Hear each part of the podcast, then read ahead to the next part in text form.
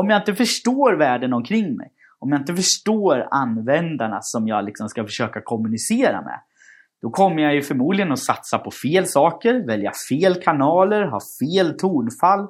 Därför tror jag att det är superviktigt att ha kunskap inom digital analys och analys generellt. För att verkligen kunna förstå de här användarna som man jobbar med.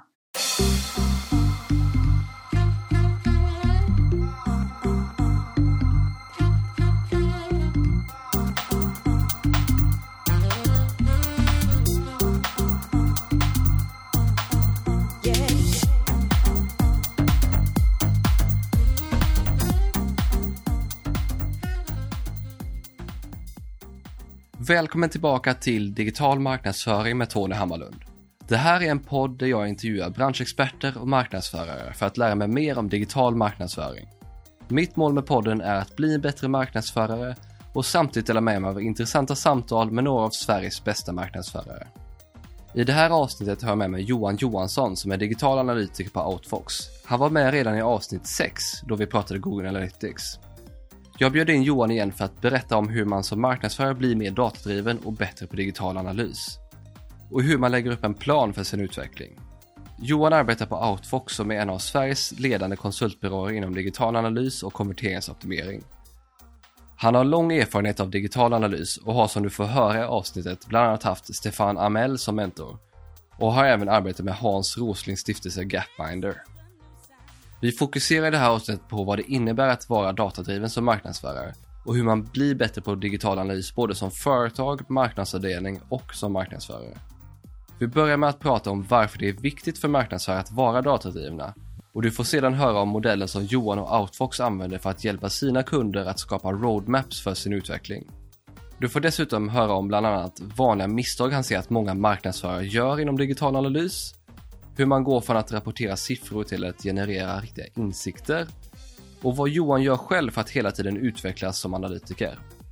Du hittar som vanligt länkar till alla tester, artiklar och andra resurser som nämns i poddenläget på tonyhammarlund.io. Så du behöver inte anteckna. Och efter länkarna hittar du tidsstämplar till de olika sektionerna i intervjun samt en bonuslista med resurser och kurser som Johan har satt ihop. Johan har även prioriterat resurserna i vilken ordning som du ska ta dig an dem. Innan vi hoppar in i intervjun så vill jag även passa på att säga att podden har ett samarbete med Dagens Analys som är en riktigt bra sajt för oss som arbetar med digital marknadsföring. Så kolla in den om du inte redan gjort det på dagensanalys.se. Nu kör vi igång intervjun och Johan börjar med att svara på vad som är skillnaden på analys, digital analys och webbanalys. Jag kan ju i alla fall försöka förklara vad det betyder för mig då. Om, om, vi börjar i det enkla och så tänker vi så här, okej, okay, webbanalys. Det handlar om, för mig många gånger, att analysera vad är det som händer på webben. Ibland nästan bara så, så smalt som on-site. Tittar vi på digital analys, då ökar scopet lite. Så vad händer i våra digitala kanaler? Hur samspelar de med varandra? Liksom? Vi måste förstå våra användare både i appen och på vår sajt, i våra sociala kanaler. Eller, ja, scopet är lite större. Men sen när man kommer till analys, då handlar det ju om liksom analys tutti. Att förstå våra kunder eller användare. Jag går ju igång på analys såklart. Jag tycker att det är det scopet man ska sträva efter. Men ibland är det ju sådär att man måste förstå vissa specifika områden och grotta ner sig lite för att det är där man jobbar och försöker optimera. Gjorde du det där livet lite tydligare, lite enklare för dig? ja, men det, det, tycker jag faktiskt, för det är någonting som jag ändå funderat på, för att folk använder det ena eller det andra ibland, och ibland känns det inte helt som att man använder det på samma sätt alla gånger. Så tänk att det är scopet. Webbanalys, det smalaste, digital lite bredare och sen analys, något man gärna vill sträva efter. Det är att förstå liksom användarna eller hela kundens liksom resa. Sådär. Varför är det då viktigt för marknadsförare att ha kunskaper inom digital analys enligt dig? Okej, så här. Mig personligen, alltså om jag känner mig själv, så är jag superdålig på att förstå mina kunders kunder om jag bara går på magkänsla. Och jag hade ju, du vet, så här, möjligheten att jobba ihop med Gapminder, Hans Roslings stiftelse. Eh, där gjorde vi en ganska stor undersökning vad människor för, liksom om, du vet, grundläggande fakta om världen. Visste man om det bodde mer människor i Asien eller Afrika eller hur många har tillgång till elektricitet? Och det visar ju att vi generellt är sämre än schimpanser på att förstå världen omkring oss. Och, och det där är ett jätteproblem om man är marknadsförare. Om jag inte förstår världen omkring mig, om jag inte förstår användarna som jag liksom ska försöka kommunicera med, då kommer jag ju förmodligen att satsa på fel saker, välja fel kanaler, ha fel tonfall. Därför tror jag att det är superviktigt att ha kunskap inom digital analys och analys generellt. För att verkligen kunna förstå de här användarna som man jobbar med. Så det är det första. Jag utgår faktiskt från att jag har ganska dålig koll. Så jag behöver alltid lära mig och liksom lära om. Och den andra grejen skulle jag säga att de här marknadsförarna, marknadscheferna, produktägarna som är duktiga på det här med digital analys, de brukar ofta obsessa kring att visa impact av det de gör. Att man som marknadsförare är jättesugen på att visa att det jag gör faktiskt spelar roll. Vi har lagt ner tid och pengar i det här och det har faktiskt betytt det här för den organisation eller det företag jag har jobbat för.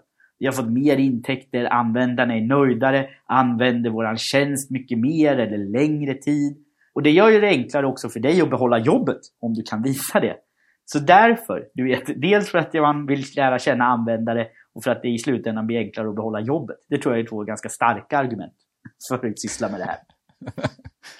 Men just det där med att dela med sig av vad man gör, för marknadsförare och marknadsavdelningar generellt sett tycker jag är ganska dåliga på att faktiskt visa vilken impact man har på företaget i stort. Jag skulle säga att många sitter ju bara och väntar på att man ska göra det också. De vill ju veta vad det är man bidrar med. Men man ska inte finta bort folk då med siffror som ingen förstår. Utan man måste ju tala ett språk som alla förstår. Och, och det där kan vara en utmaning och lite en krock. Om man är för datafixerad, då blir det lätt att man går vilse i sessioner, click-through rate, bounce rate, istället för att prata och om... roas. Ja, precis. Herregud, vilket, vilket påfund va. Om man istället översätter det där till business-språk, att mm, lifetime value har blivit högre, för vi får dem att stanna längre och streama fler filmer i vår tjänst tack vare att rekommendationsfunktionen har blivit vassare. Det är ju ett sånt språk som fler förstår. Men det bygger ju på massa siffror och data såklart. Så jag tror att så här, många sitter och väntar på att fler ska dela med sig av vilken impact de faktiskt gör. Och ja, det är bara att sätta igång. Men hur ser du på det här med att vara datadriven som marknadsförare? För det är ju någonting som har pratats extremt mycket om de senaste åren och hur viktigt det är. Ja, det kanske är lite skevt det där uttrycket datadriven. Alltså, det handlar ju inte om data utan fakta i min värld i alla fall. Att omvandla data med hjälp av analys till fakta så vi kan fatta bättre beslut. Konsten att bygga liksom beslut på fakta, det, det bygger på att man har någon typ av nyfikenhet som marknadsförare. Man vill förstå den här världen och användarna man, man jobbar med. Liksom om man tänker att man uttrycker det på det sättet, att en key ingredients för en duktig marknadsförare är att vara nyfiken och att med hjälp av analys förstå världen omkring sig, då kanske vi kan släppa fokuset från att det skulle handla om data. Ja, men det där med nyfiken är ju någonting som är rätt intressant, för det är ju lite motsatsen där mot att som många använder data just för att bevisa att det man gör betyder någonting och försöka hitta de siffrorna som styrker det. Just det, sådana här vanity metrics. Nej, alltså det handlar ju om att vara nyfiken men kanske också ha ett fokus på att visa att det jag gör spelar roll. Att faktiskt ha ett intresse att, att kunna visa det. Och då menar jag spela roll på ett sånt sätt som faktiskt spelar roll för den organisation eller det företag man jobbar i. Och det brukar också de här duktiga datadrivna marknadsförarna, om man vill prata om det, vara bra på. Att visa impact. Vad finns det för vanliga misstag som du tycker att många marknadsförare faktiskt gör när det kommer till att försöka bli datadriven och att arbeta med analys? Ja, det kanske är att man fokuserar för mycket på siffror och för lite på action. Man lägger mer tid på rapportering och mindre tid på analys. Det är väl den första, ett överdrivet liksom fascinerande för siffror. Det andra skulle jag säga är att man kanske tittar på lite för lite data man, man hittar saker som stärker det man själv tror på, så kör man på det. Istället för att välja att titta på trender, utveckling över tid och jämföra kanske mot föregående period. att kanske välja att bredda det scopet man har.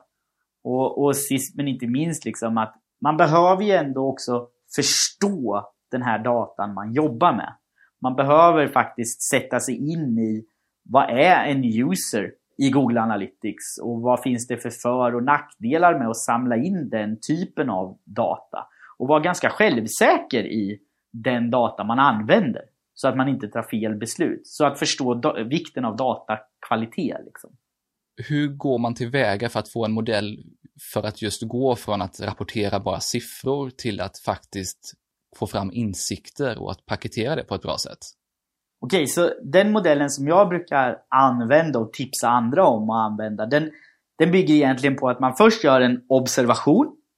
Sen ska man tala om varför den här observationen är viktig i någon form av liksom affärs eller organisationskontext. När man har talat om varför den är viktig ska man säga vad behöver vi göra baserat på det som har hänt. Och om vi gör det här som du föreslår, vad kommer impact bli? Vem måste göra vad sen och när följer vi upp? Så de där olika stegen. För att sammanfatta. Först så gör man alltså en observation. Man måste tala om varför observationen är viktig. Baserat på den observationen som har gjorts, vad borde vi göra? Och om vi gör det, vad är impact? Eller vad är den förväntade liksom, impacten? Vem måste göra vad och hur följer vi upp? Det är de stegen för att gå från liksom, siffror till action. Jag tycker det är en sån bra modell och väldigt enkel modell som visualiserar väldigt tydligt hur man gör det här för att släppa det här fokuset på att få upp en dashboard som visar massa siffror till att faktiskt försöka hitta insikter som kan göra att man, i det här fallet för, för mig, skapa bättre innehåll eller skapa bättre kampanjer. Verkligen, verkligen. Och på tal om modeller, så sist när jag lyssnade på din föreläsning här i Göteborg så pratade du också om hur ni har börjat arbeta allt mer tillsammans med företag kring roadmaps för både utveckling och utbildning. Hur kommer det sig att ni började med det och hur kom ni in på det egentligen? Ska jag vara ärlig så är det så att det är våra kunder som har ställt frågorna till oss. De har sagt så här, hur ska vi investera vår tid och våra pengar för att bättre förstå våra användare och kunder? Och Det här tycker jag är ett fantastiskt område och jag är så glad att våra kunder liksom har, har börjat använda oss och ställa den här typen av frågor. Och jag måste verkligen ge cred här till Joni som du har haft med tidigare i podden. Det är hon som liksom puttar ner mig i det här träsket. Eh, hon introducerade mig till en modell som Stefan Amell har tagit fram, en guru inom det här med webbanalys och digital analys. Den brukar kallas för Digital Analytics Maturity Model. Och det man gör med hjälp av den, det är att bedöma vart står man idag? Hur duktig är man på att jobba med just webbanalys eller digital analys? Och vad är de nästa stegen vi kan ta? Så det är tack vare Joni men sen också Stefan. Och jag gjorde faktiskt så att jag, när jag eh, blev introducerad till den här modellen så, så hörde jag av mig till Stefan som bor i Kanada och sa Har du tid att vara mentor till mig i ett år? För att den här modellen är fantastisk, jag vill lära mig allt jag kan om den. Och han är hur trevlig som helst och hade inga problem med det. Så jag hade, jag hade liksom möjlighet att lära av Yoda själv. Liksom. Så det har varit en fantastisk resa i sig. Ja, men jag älskar att du också tar steget att faktiskt kontakta dem, för det är ju där många hade stoppat, att man hittar en modell och så försöker man göra det så bra man kan själv istället för att faktiskt försöka gräva lite djupare i det.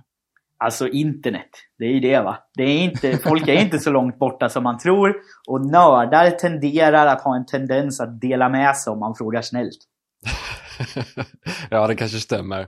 Men vad var det som gjorde att du fastnade vid just den här modellen då? Det som jag verkligen gick igång på, det var att den här modellen fokuserar liksom inte bara på verktygen. Utan den tittade på andra aspekter också. Vad har man för skills? Vilka roller och vilka processer finns? Och jag gillade det fokuset, att det inte var så teknikfokuserat i den här modellen. Utan vi tittar på massa andra aspekter som jag liksom hade märkt var kanske de mest avgörande för om mina kunder skulle lyckas. Ja, men det där låter ju riktigt bra. Men hur skulle du beskriva den här modellen och hur den faktiskt fungerar? Det börjar ju alltid med att vi behöver identifiera ett gäng nyckelpersoner. Och sen så intervjuar man dem. Och eh, det brukar vara sådana här djupintervjuer vi gör. Och ibland så skickar vi också ut eh, service, vanliga undersökningar som man får svara på också som komplement. Och när vi sammanställt de här intervjuerna, då får vi fram ett nuläge. Ungefär hur duktig kunden är på att använda analys idag för att fatta beslut. Och när det där nuläget är sammanställt, då brukar jag gå till kunden och fråga okej, okay, tycker ni att jag har fattat det rätt? Liksom? Och om vi får sign-off där, då tar vi det där nuläget, tittar på vart de står och så tar vi fram ett gäng förslag. En roadmap helt enkelt. För det är de här aktiviteterna vi tror ni ska fokusera på för att få ut så mycket som möjligt av investeringen i digital analys. Och då kan man ju titta på både vad bör ni göra här och nu? Men också om ni vill bli lite mer avancerade. Om ni vill liksom ta ett steg till på den här trappan. Vad är det som krävs då? Så där har du processen lite snabbt då. Men arbetar ni helt efter Stefans modell eller har ni gjort egna anpassningar? Jag tycker att modellen är riktigt nice. Det är ett bra ramverk. Man tittar på ett gäng olika intressanta områden som processer, vilka interna skillsets som finns och vilka verktyg man har. Det som vi kanske gör lite sådär annorlunda, det är väl att vi har insett att det krävs verkligen djupintervjuer för att kunna förstå kunden.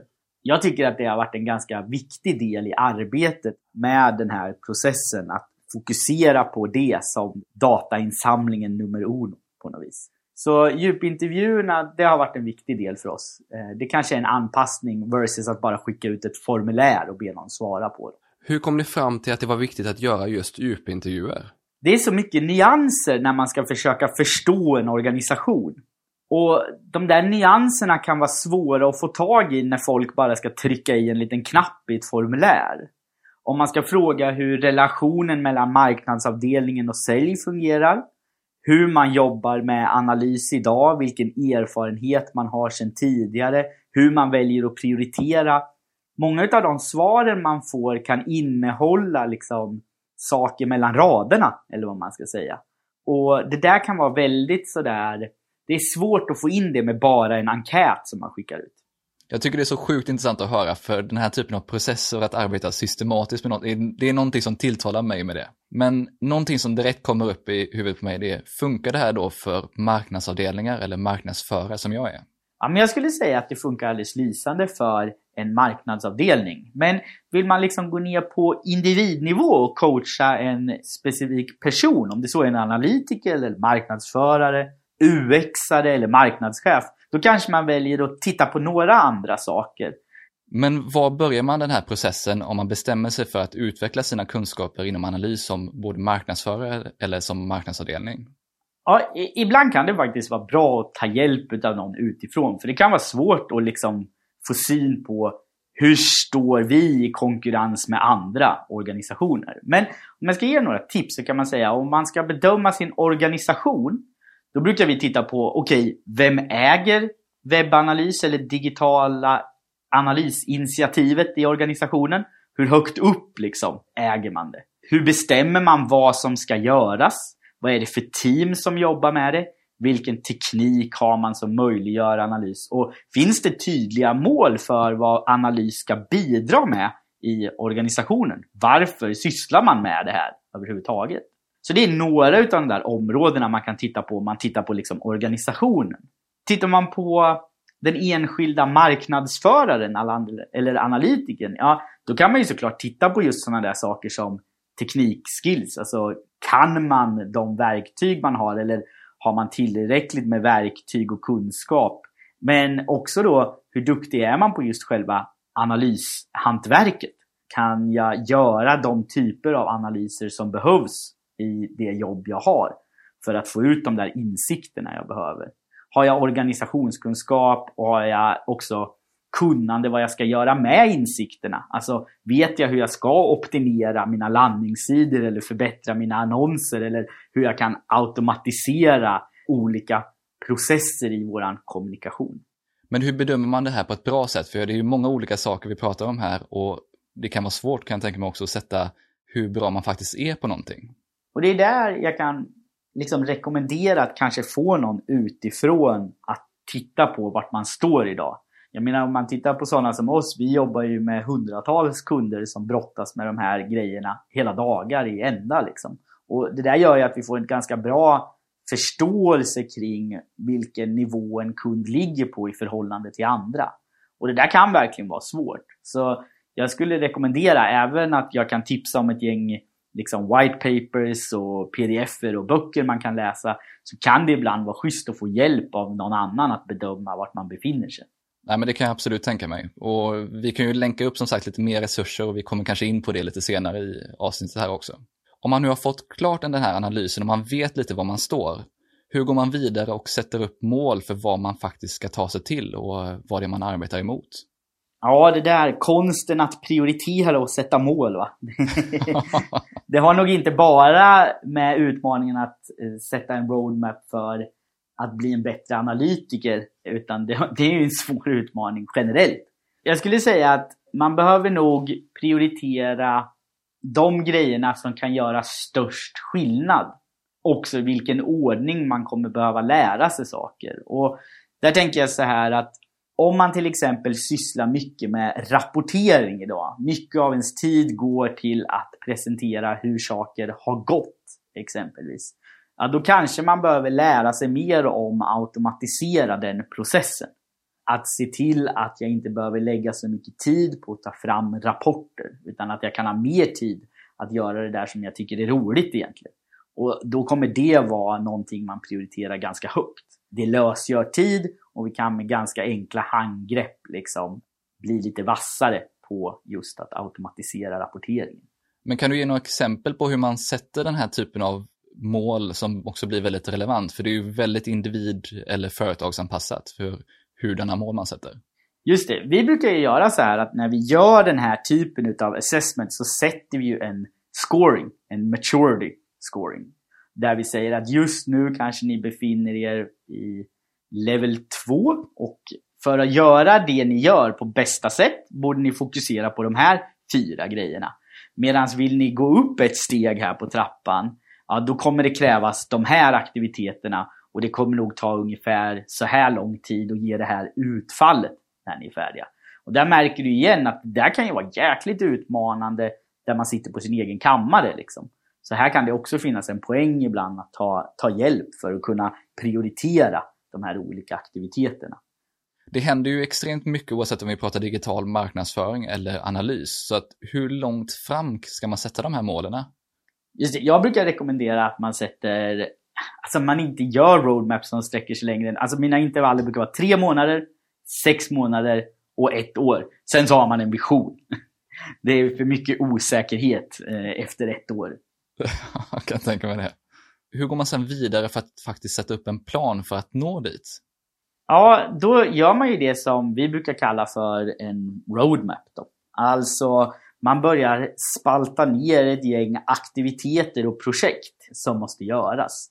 Och jag brukar använda du vet, Google Sheets bara. En lång eh, sådär att göra-lista. Men ett gäng rubriker, alltså inom organisation exempelvis. Vad kommer vi göra där för att bli vassare? Inom team och expertis, vad kommer vi göra för aktiviteter där för att bli vassare? Och sen så tittar man på, okej, okay, prioriteringen vi har beror på impact helt enkelt och hur mycket tid och resurser som kommer krävas och så försöker vi vikta det. Liksom. Och då börjar man ju få en liksom att göra-lista med en prioordning som man sen också kan rita ut på en tidslinje i ett sånt där ganska klassiskt Gantt-schema. Liksom. Och helt plötsligt tänker jag att då har ju du en plan som du kan gå med till din chef och säga det här är min plan för webbanalysinitiativet eller för att vi på den här marknadsavdelningen ska bli mer insikts eller datadrivna. Det låter ju väldigt enkelt när man beskriver det på det sättet att, och att också få, få den här snygga Gantt-schemat som man alltid vill ha för vad som ska ske när och hur lång tid det också kommer ta. Ja, vem vill inte ha ett snyggt Gantt-schema? Eh, men, men om man ska vara lite sådär seriös så skulle man säga så här att vi har ju hjälpt flera så här både analyschefer men också marknadschefer att faktiskt ta fram just en plan.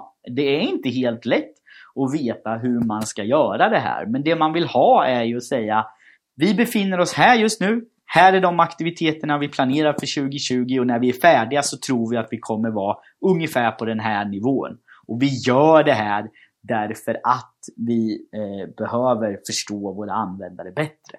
Så jag tror många gånger att just att kunna ha den där strategin, det är en av de där viktiga värdena som ett sånt här arbetssätt möjliggör. Du var inne lite på det här med prioritering, så hur bestämmer man sen då var någonstans man faktiskt börjar om man har fått bara in på den här planen? Just det, och nu får du ett sånt här tråkigt analytikersvar om att det beror på lite grann då. Men då kan man säga så här att ibland så är det så att det behövs faktiskt en del teknik för att kunna möjliggöra att man ska kunna göra den analys som krävs. Ja, då kommer man få behöva prioritera det, för utan en hammare kommer det vara svårt att bygga den där stolen. Jag vet inte, men du tänker att du förstår liknelsen. Men många gånger och för många kunder så är det så att när vi kommer till dem så har de en ganska bra techstack liksom och sådär. De vet vad, vad, de har ett gäng verktyg men deras, om man ska kalla det för någon sån här adaptation av det där verktyget är inte lika bra. Man använder det inte fullt ut och då handlar det mycket om att träna kunderna i att komma igång och börja jobba helt enkelt. Så att ja, lite beroende på vad man väljer att prioritera. Behöver man möjliggöra eller behöver man öka adaptation? Behöver man ha något system för vad man faktiskt prioriterar, vilken impact det har eller hur lätt det är att genomföra och så vidare? Är det någonting sånt man väger in i den här planen och för vad man prioriterar i vilken ordning? Alltså det viktiga är ju att sätta någon form av målbild. Vart ska vi vara 2020? Och hur snabbt ska vi nå dit? Vilka är de nyckelaktiviteter som måste ske innan vi är där? Och jag tror så här att när det kommer ner till prioritering, då är det ofta så där enkla prylar som tidsåtgång och kostnad som styr. Kommer vi hinna dit vi vill? Ja, vi fick budget för alltihop, så det är bara att tuta och köra. Det här är det vi ska jobba med. Eller nej, vi fick bara hälften så mycket pengar och vi fick fyra nya uppgifter vi ska hantera. Så att, nej, vi kommer inte nå dit vi har tänkt 2020. Vi har fått prioritera bort några grejer. Men vi vet ändå vart vi vill någonstans och vi vet också hur långt vi kommer komma baserat på hur vi prioriterar, vad vi väljer bort och lägger till. Did that make sense? Jo, men det gör det och då kommer vi in på det här med hur man faktiskt följer upp en plan. För det är ju någonting som man brukar säga här, att en plan klarar aldrig första kontakten med fienden eller verkligheten. Så hur följer man upp den här planen så att man inte kommer bort längs med vägen när nya projekt eller nya uppgifter kommer in? Just det, det där tycker jag är superbra att, att fundera kring redan i början av ett sånt här arbete. Det jag brukar rekommendera det är att man gör ett par check-ins under året. Och Många gånger så funkar det att köra kvartalsvis. Man kan också sätta månadsvis och halvårsvis. Det beror lite på organisation och tempo man har. Men det är viktigt att tänka att först så gör vi assessment, alltså nuläget. Sen så tar vi fram roadmappen. Så kommer man igång och börjar jobba och sen så kör man olika sådana här check-ins under året för att se, är vi på rätt väg? Har planer ändrats? Och det betyder ju också att ibland måste vi ta ett steg utanför det där dagliga, blicka upp lite och se, jobbar vi enligt den här planen som vi har satt? Liksom. Så de här follow-up-mötena är superviktiga. Du var inne på i början att det är bra att ha med sig en extern partner för att vara med i den här processen. Men om man som marknadsavdelning och kanske då framförallt mindre marknadsavdelning bestämmer sig för att göra det här själv, hur går man bäst tillväga då? Man behöver kanske läsa in sig lite för att få en känsla för vart befinner vi oss? Och jag kan länka, eller vi kan länka till några av sådana här white papers som man kan ha nytta av där. För man behöver ju ta reda på liksom, okej, okay, vart står vi idag i jämförelse med andra? Så vad blir det naturliga nästa steget? Och jag tror så här, när man sitter där själv, då kan det vara lite svårt att veta vad det är. Om vi är på liksom en nybörjarnivå eller om vi är på en lite mer avancerad nivå, vad är nästa steg? Och, och där kan det vara bra att, att, läsa på lite innan. Så, så jag skulle nog rekommendera till exempel det här white paperet av Stefan eh, Amell där han beskriver den här modellen som vi jobbar efter. Den har ganska tydliga mognadsnivåer och vad som utmärker dem. Då kan man i alla fall försöka självskatta sig. Det finns också ett gäng test man kan göra online som vi kanske kan länka till där man också kan få en ganska bra förståelse för vart man står någonstans.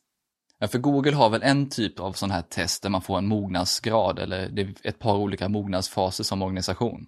De har den här eh, Digital Marketing Maturity Model som man kan ta sig igenom om man lyckas. Det är inget lätt test och det tar en liten stund att göra. Väldigt inriktad på digital marknadsföring och hur vass man är inom det. Approachen är lite samma som vi använder även om vi ofta fokuserar på just analys istället. Då. Men absolut, det är ett sånt test man kan prova. Finns det några andra resurser som du rekommenderar att kolla in utöver den här white paper med Stefan eller det här testet man kan göra som Google har?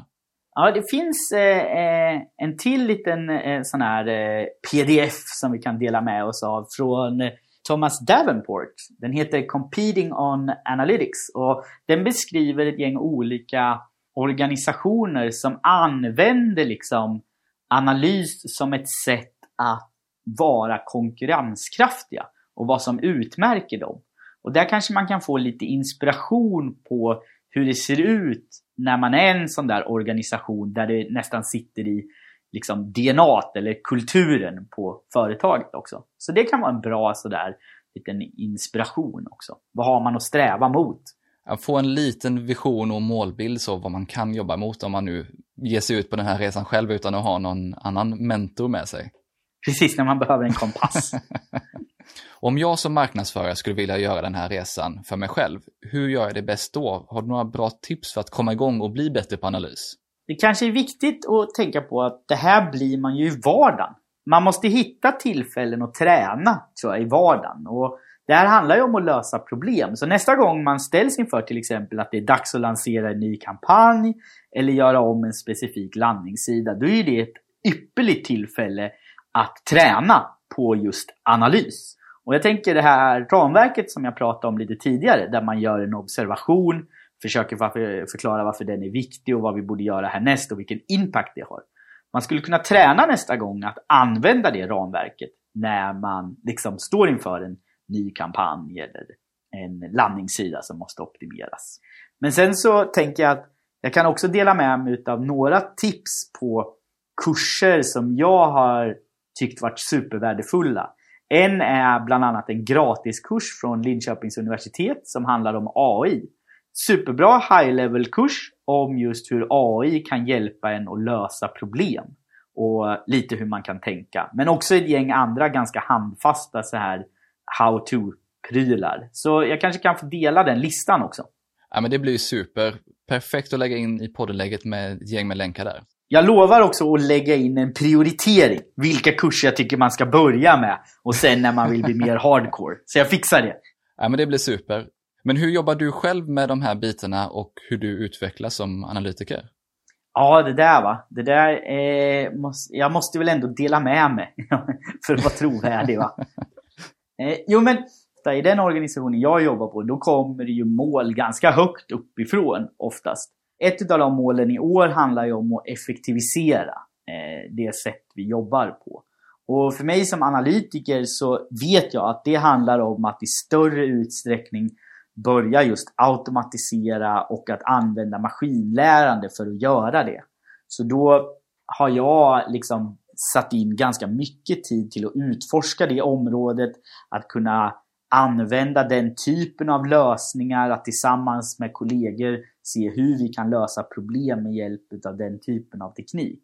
Så jag försöker liksom att utifrån de här målen som sätts se vad är det jag kommer behöva lära mig mer inom, eh, helt enkelt.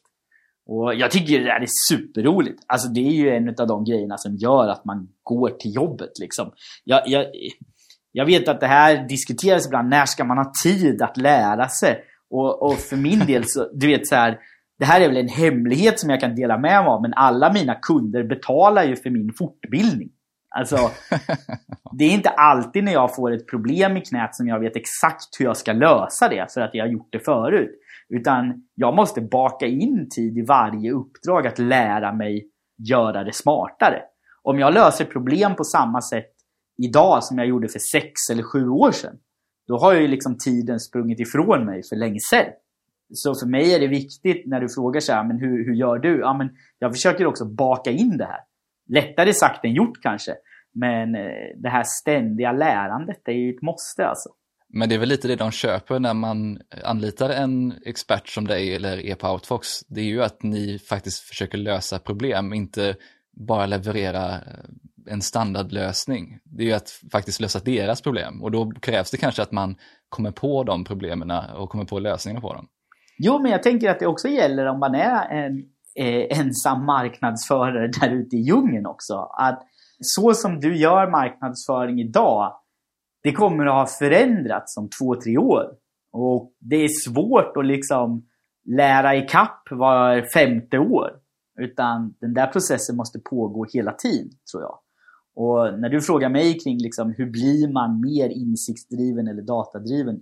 Det är något man lär sig i vardagen, tror jag också. Det är viktigt att tänka att det inte bara är en kurs jag ska gå. Det är inte bara en, ett white paper jag ska läsa. Utan det handlar om att jag ska bli mer analytisk eh, och försöka tackla de här problemen jag ställs inför i vardagen. Det är riktigt inspirerande att höra hur du tänker. För att det här är ju någonting som jag tänker på en hel del, just det här att man inte försöker lösa samma problem på samma sätt om och om igen, utan man måste ju hela tiden lära sig lite nytt hela tiden för att utvecklas. Och det är väl därför som jag också försöker prata med personer som dig för att också utvecklas inom analys som är ett område som jag inte är särskilt vass på idag. Men jag tror analys också, det är väl kanske ett missförstånd eller att man kanske inte har kläm på det riktigt. Men analys för mig handlar ju om problemlösning. Att lösa problem på ett analytiskt sätt. Att ha ett analytiskt angreppssätt på det man jobbar med. Och det betyder att det inte bara analytiker förunnat att ha det. Marknadsförare, HR-chefer, produktägare, alltså städare. Det spelar ingen roll. Alla kan ha ett analytiskt sätt att angripa de problem man ställs inför.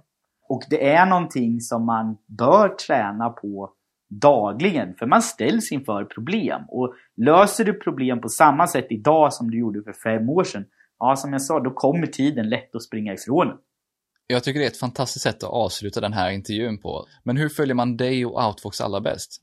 Ja, alltså det enklaste är väl att bara höra av sig och bjuda oss på lunch. Va? Eh, dela med sig utav era, ja, precis, dela med sig utav era problem och se om vi kan lösa dem. Men om man vill följa mig, då tror jag nog ändå LinkedIn är det eh, bästa. Jag tycker att det funkar väldigt bra. Man får en schysst och personlig kontakt. Så undrar du något efter att ha lyssnat på den här podden så, så tveka inte att leta reda på Johan Johansson på LinkedIn. Vi är inte jättemånga.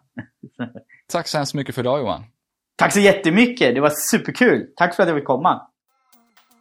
Johan är verkligen inspirerande och gör det otroligt roligt att lära sig mer om digital analys.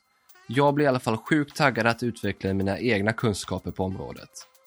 Några av de främsta sakerna som jag tog med mig från intervjun var att sluta rapportera siffror och istället fokusera på att göra observationer och generera insikter och actions.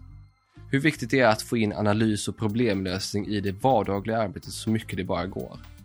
Och sist men inte minst, att man måste lära sig nya saker och utvecklas hela tiden. För om man löser problem på samma sätt som man gjorde för fem år sedan så blir man lätt omsprungen.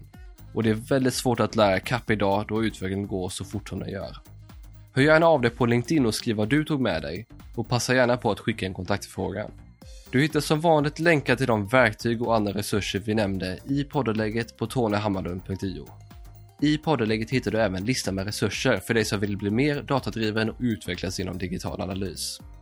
Och har du några frågor efter avsnittet så kan du ställa dem i kommentarerna direkt in i poddenlägget. Gillar du avsnittet och podden så får du heller inte glömma av att prenumerera och tipsa gärna andra om podden. Avslutningsvis vill jag passa på att tacka Mikael på Music som hjälper till med att producera den här podden och stå för musiken. Vi hörs snart igen med fler intressanta gäster och ämnen.